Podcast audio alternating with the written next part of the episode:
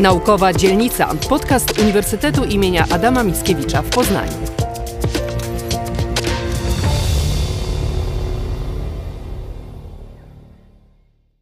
Dzień dobry, Przemysław Stanula, Naukowa Dzielnica. Dziś rozmawiamy z profesorem Mariuszem Lamentowiczem, kierownikiem pracowni ekologii zmian klimatu Wydziału Nauk Geograficznych i Geologicznych.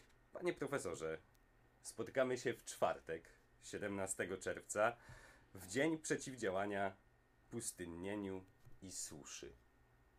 Czy naprawdę powinniśmy się przejmować tym, że jest coraz więcej obszarów, obszarów pustynnych i coraz częściej e, słyszymy o problemie suszy?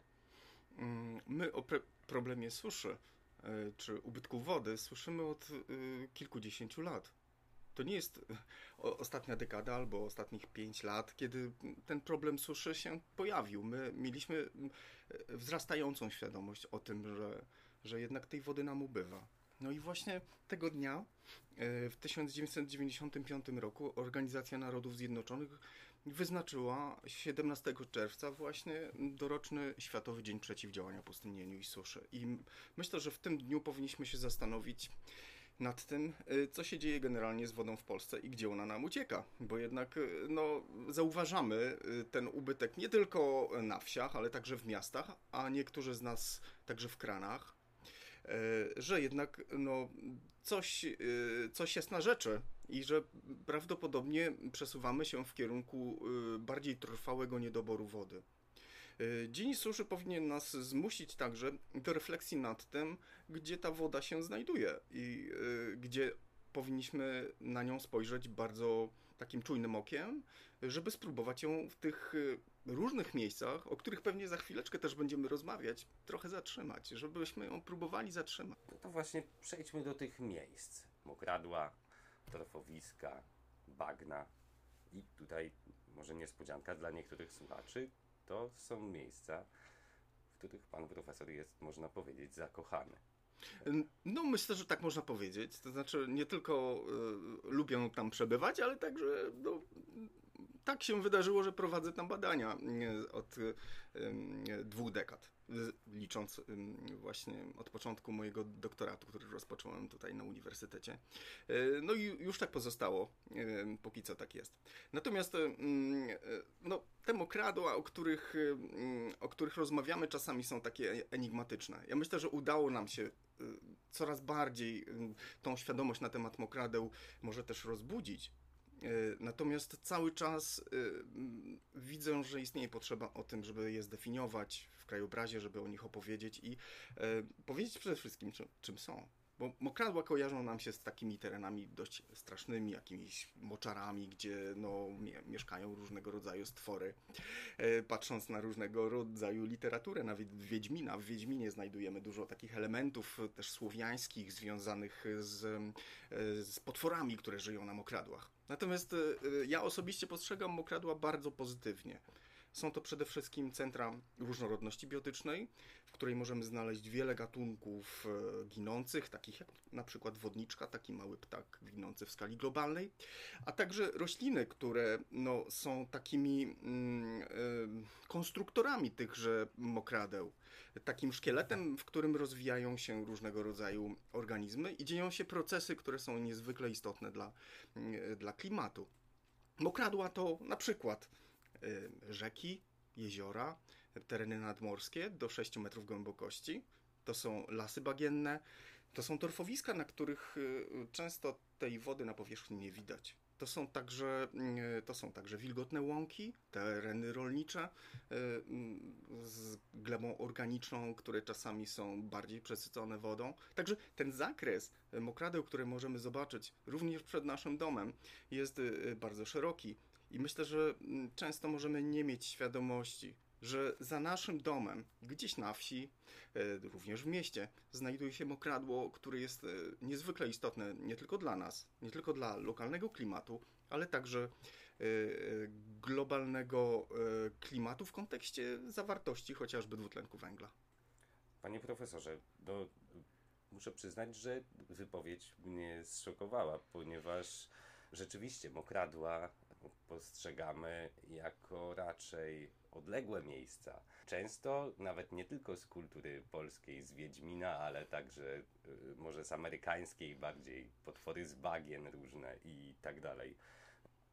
No i teraz jest y, pytanie. Okazuje się, że wymienił pan profesor miejsca, które każdy z nas widzi lub widział w ciągu swojego życia.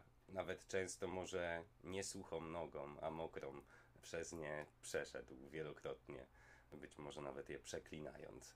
No ale one po coś są w przyrodzie. I tutaj jest pytanie o ten dwutlenek węgla. One je zatrzymują, gromadzą. W jaki sposób mokradła działają w zasadzie? Y, y, mokradła posiadają wiele funkcji, nie tylko związanych z, z, klimatem, z dwutlenkiem węgla, czy gromadzeniem i, no i emisją także węgla. Y, są także, i tutaj chciałbym podkreślić na chwilkę, może odchodząc od dwutlenku węgla, który jest takim kręgosłupem w pewnym sensie naszego myślenia obecnie o klimacie i węglu. Myślę, że powinniśmy też zastanowić się nad tym, jakie funkcje mokradła pełnią dla lokalnych społeczności. Są źródłem ryb, źródłem różnych zasobów, przede wszystkim wody oczywiście, ale pełnią też y, dość istotne funkcje związane z gromadzeniem wody.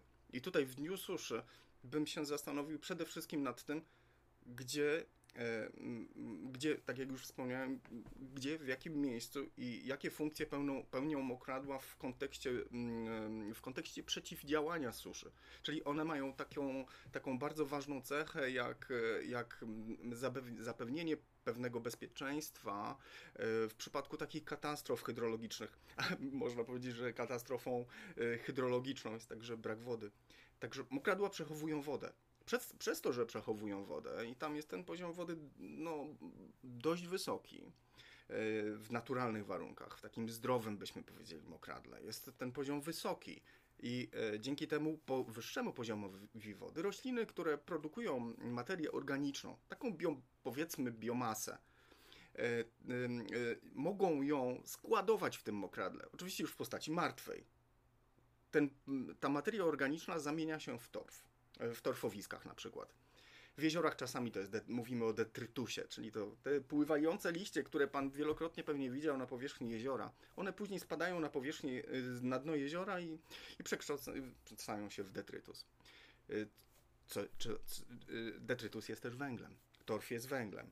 My spalając węgiel kamienny, musimy mieć świadomość, że to, był, to jest detrytus roślinny, który wcześniej powstał, detrytus, materia organiczna, która wcześniej powstała w torfowisku ponad 300 milionów lat temu w przypadku węgla kamiennego. To też był torf.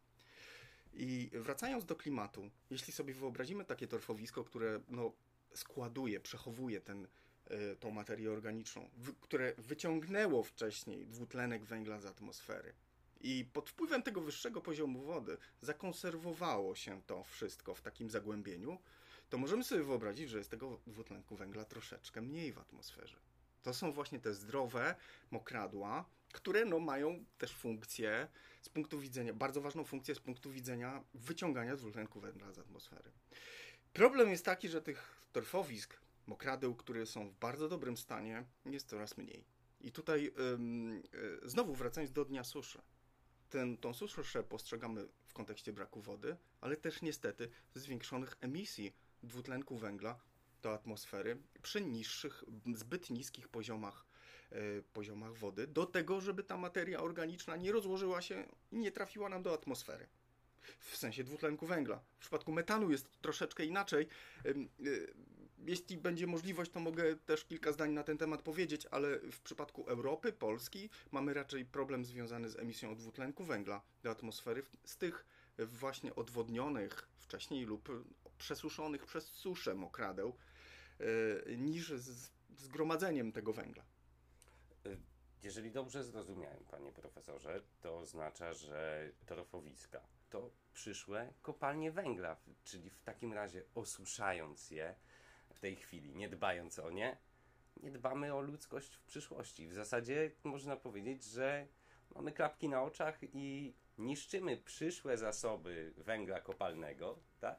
Dla przyszłych pokoleń.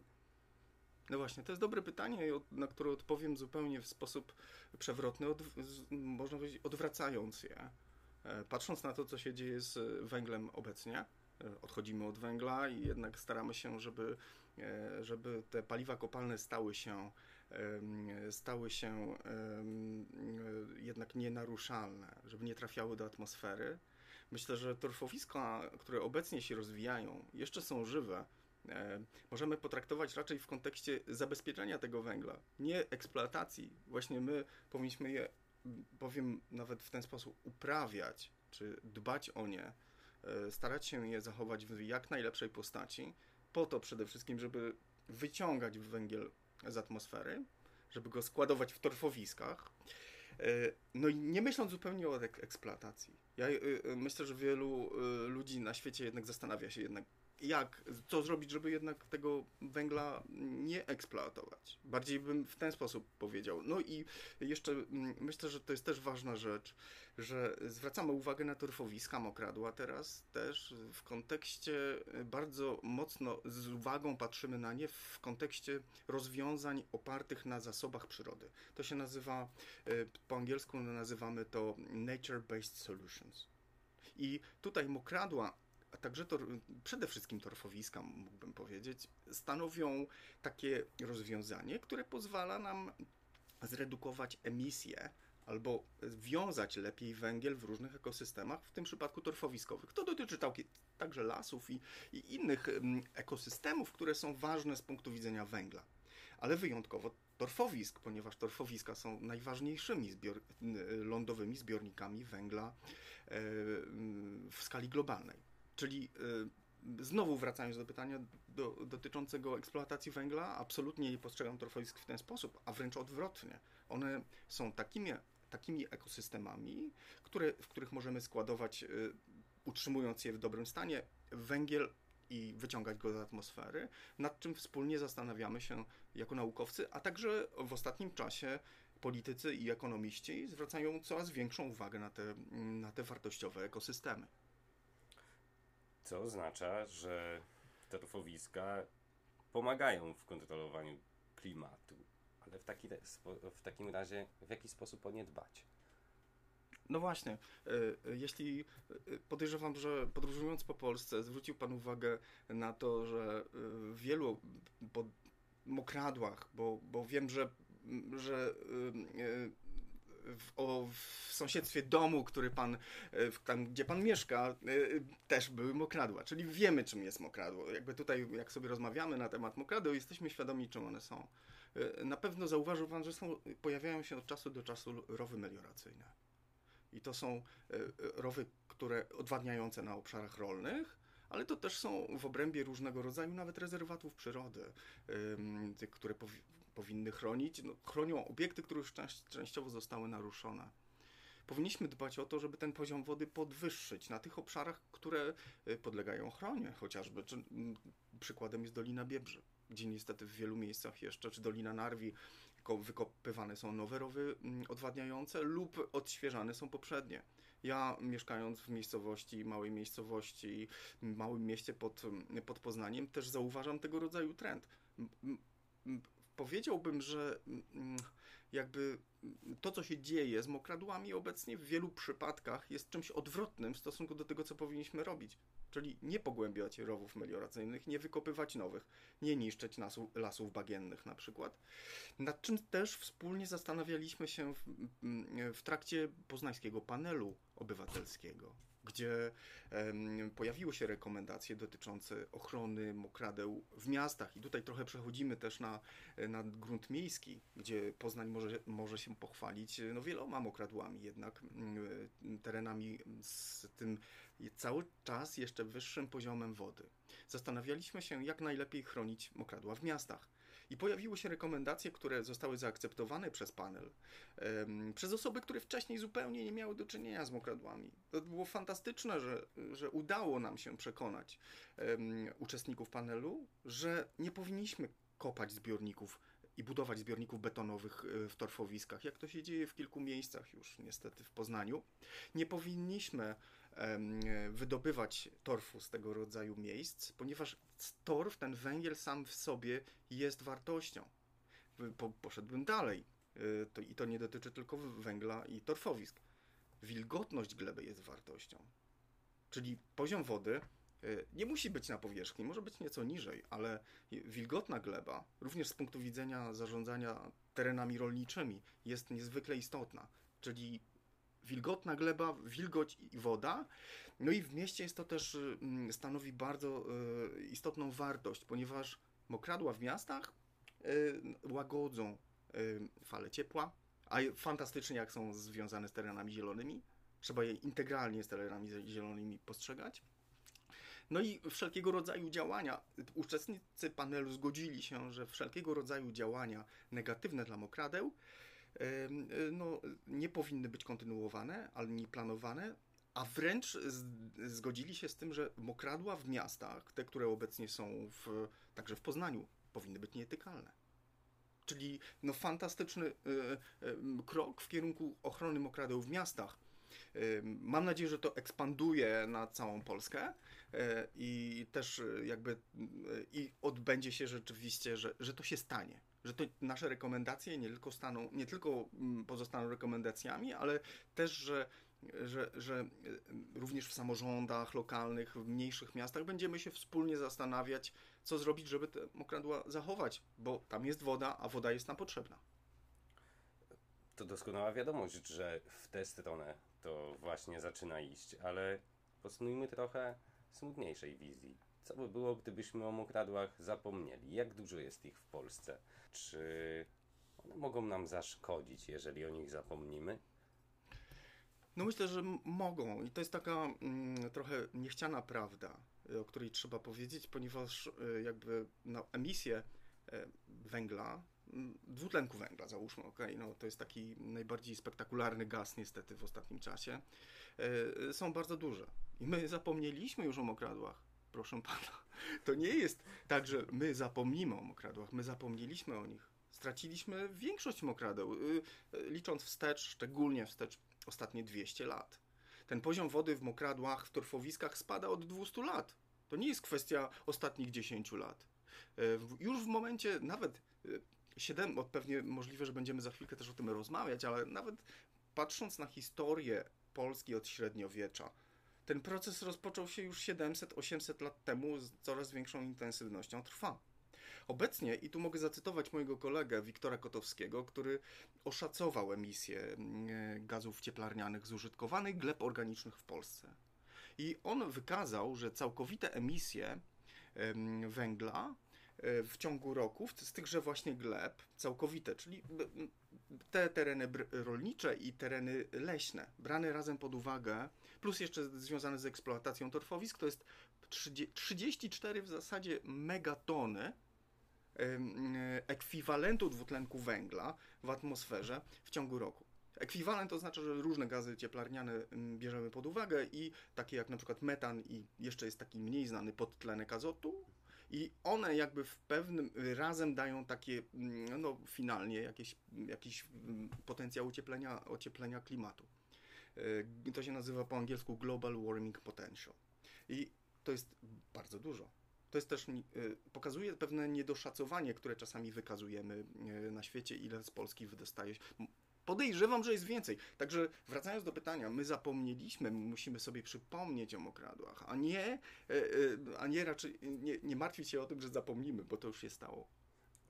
To pytanie jest takie, czy tam, gdzie zapomnieliśmy, mhm. to da się jeszcze o nich przypomnieć? Mhm. No, no, właśnie, no i tutaj wchodzimy na teren znowu nature-based solutions, czyli o, rozwiązania oparte na, na naturze, na przyrodzie. No, wracamy do tego, e, tutaj też coraz bardziej e, w ostatnim czasie zaczynamy zastanawiać się nad restytucją e, środowiska, restytucją ekologiczną w kontekście restoration, czyli chcemy odtwarzać ekosystemy. Dla wielu mokradów w Polsce jest szansa. To jest kwestia tylko tego, żebyśmy lepiej ze sobą współpracowali na gruncie nie tylko naukowym, bo my jako naukowcy badając torfowiska, wiercąc w nich, rekonstruując środowisko, no niewiele możemy zmienić.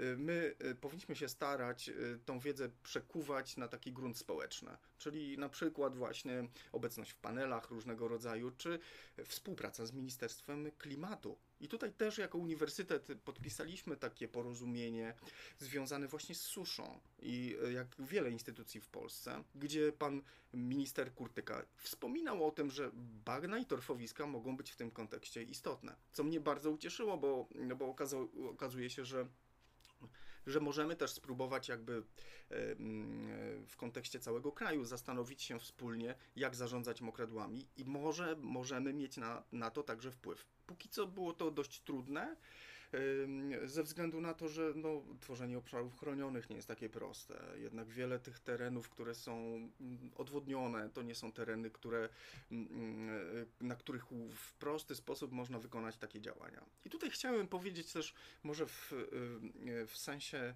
odtwarzania, Dosłownie kilka dni temu dowiedziałem się, że uzyskaliśmy projekt z funduszy norweskich na współpracę z, mini, z, z nadleśnictwem Woziwoda i Tuchola w Borach Tucholskich. To jest dość duży projekt na restytucję torfowisk, czyli na odtwarzanie torfowisk i różnych innych ekosystemów, ale przede wszystkim torfowisk.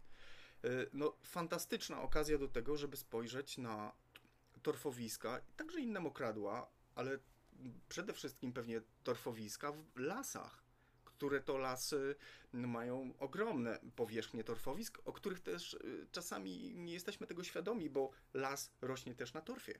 I z lasów, i tutaj muszę powiedzieć, że torfowiska użytkowane jako lasy, według obliczenia profesora Kotowskiego, to jest około 3,6 megatony ekwiwalentu dwutlenku węgla.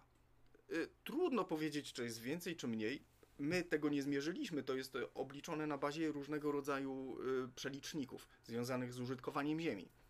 Natomiast wydaje mi się, że jest okazja do tego, żeby podejść do tych zasobów węgla w lasach i porównać, no, albo może odnieść, odnieść je do zasobów węgla, na przykład w, w, lasach, w sensie w lasach i w torfowiskach, które znajdują się w lasach, bo tutaj już mamy węgiel, który jest w, w drzewach, z, też z, zgromadzony, ale bardzo wiele y, tego, y, tego pierwiastka znajduje się także w, w mokradłach i torfowiskach. Także możliwe, że to jest y, nowe spojrzenie, podejście do tego, żeby zastanowić się, jak zarządzać mokradłami, torfowiskami, jak je odtwarzać efektywnie również na obszarach leśnych, które są bardzo bogate w tego rodzaju środowiska. Panie profesorze, no, mam nadzieję, że torfowiska nadal pozostaną w naszym krajobrazie, ale chciałbym zapytać o jeszcze jedną rzecz. Okazuje się, że z można też czytać i można czytać znaki przeszłości. Pan profesor nawiązał współpracę z Uniwersytetem w Białymstoku i okazuje się, że w torfowiskach, tak jak wcześniej już wspomnieliśmy, można wyczytać z nich nawet gospodarczą historię Polski. Czy to prawda i jest to mierzalny?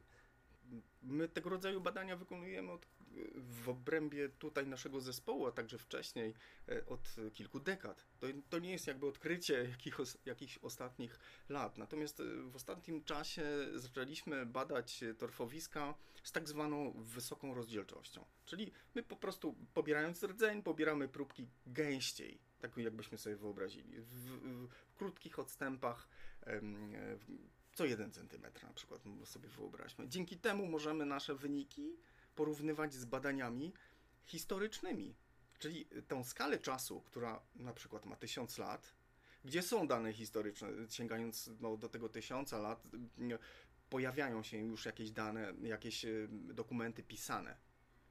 I tym właśnie zajmują się nasi koledzy e, z Uniwersytetu w, Białego, w Białymstoku, profesor Piotr Guzowski, a także inny kolega, który pracuje w Instytucie Maxa Plancka e, w mm, Wienie.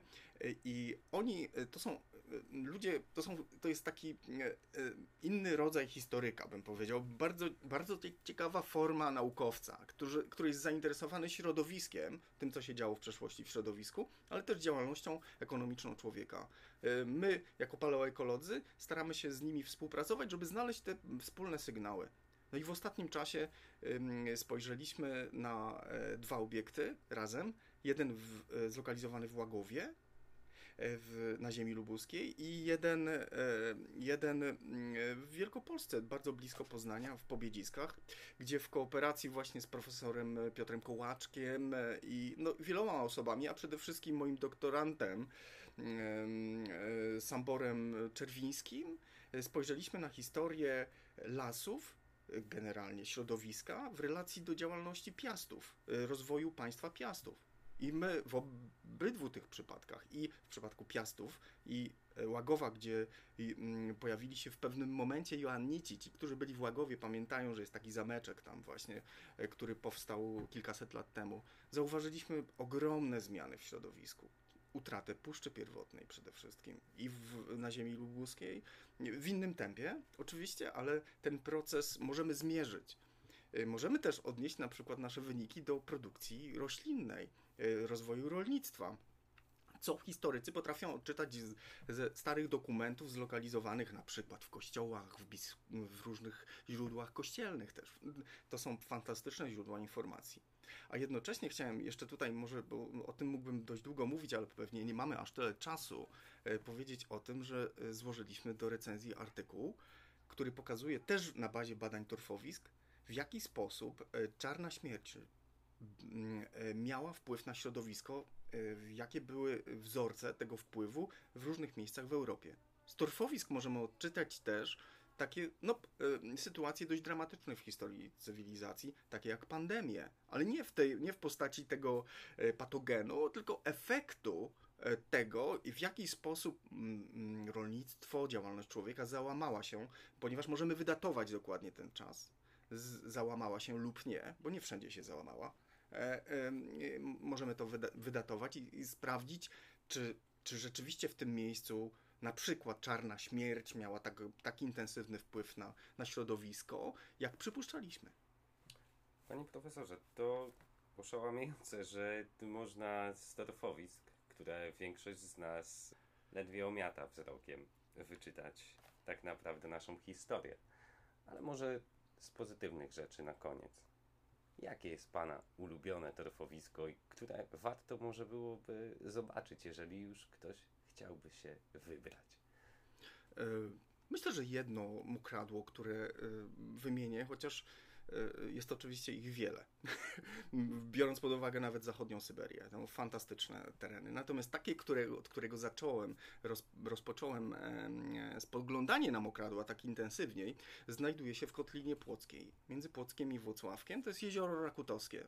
To jest Rakutowskie. To jest kompleks mokradeł z płytkim jeziorem, związanych z płytkim jeziorem, ale też, y, też trzcinowisk, takich torfowisk niskich, a także lasów bagiennych, y, gdzie no, bardzo zachęcam do odwiedzenia. Możemy zobaczyć nie tylko ciekawe rośliny, mokradło, możemy mm, swobodnie i dość bezpiecznie sobie na tą krawędź jeziora wejść. Obecnie, tym bardziej jak jest tak gorąco, bez, bez, bez skarpet, możemy wejść i poczuć to, to bagno, a jednocześnie jeśli interesujemy się na przykład ptakami, ponieważ jest to rezerwat ornitologiczny, możemy zaobserwować rzadkie gatunki, takie jak no, migrujące ptaki siewkowe, e, także ptaki drapieżne, takie jak bielik czy, czy e, błotniak stawowy, błotniak łąkowy, czy ptaki wróblowe też dość lęgowe, czy migrujące. Tam, że tak co roku jeździmy już od w sumie ponad 20 lat, tam 25 lat minęło od kiedy pierwszy raz byłem na tym terenie. E, a obecnie regularnie studenci z Uniwersytetu Jagiellońskiego organizują obóz obrączkarski. Można zobaczyć, jak się obrączkuje ptaki, jak wyglądają, przyjrzeć im się z bliska. Także wartość tego miejsca leży nie tylko w pięknie samego mokradła, w węglu zgromadzonym w tych siedliskach, ale także w tym, że można zobaczyć z bliska, mm, jak się obrączkuje ptaki. Y, czyli jest w tym taki aspekt też, też dydaktyczny. Ten obóz rozpoczyna się, o ile dobrze mi wiadomo, na pewno już będzie w sierpniu do czego zachęcam, żeby, żeby się pojawić, a jednocześnie spróbować spojrzeć na mokradło, na piękno mokradła z zupełnie y, innego punktu widzenia.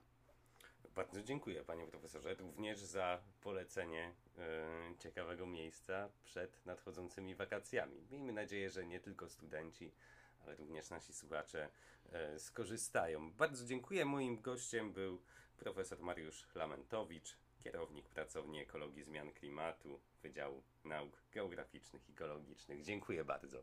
Dziękuję bardzo.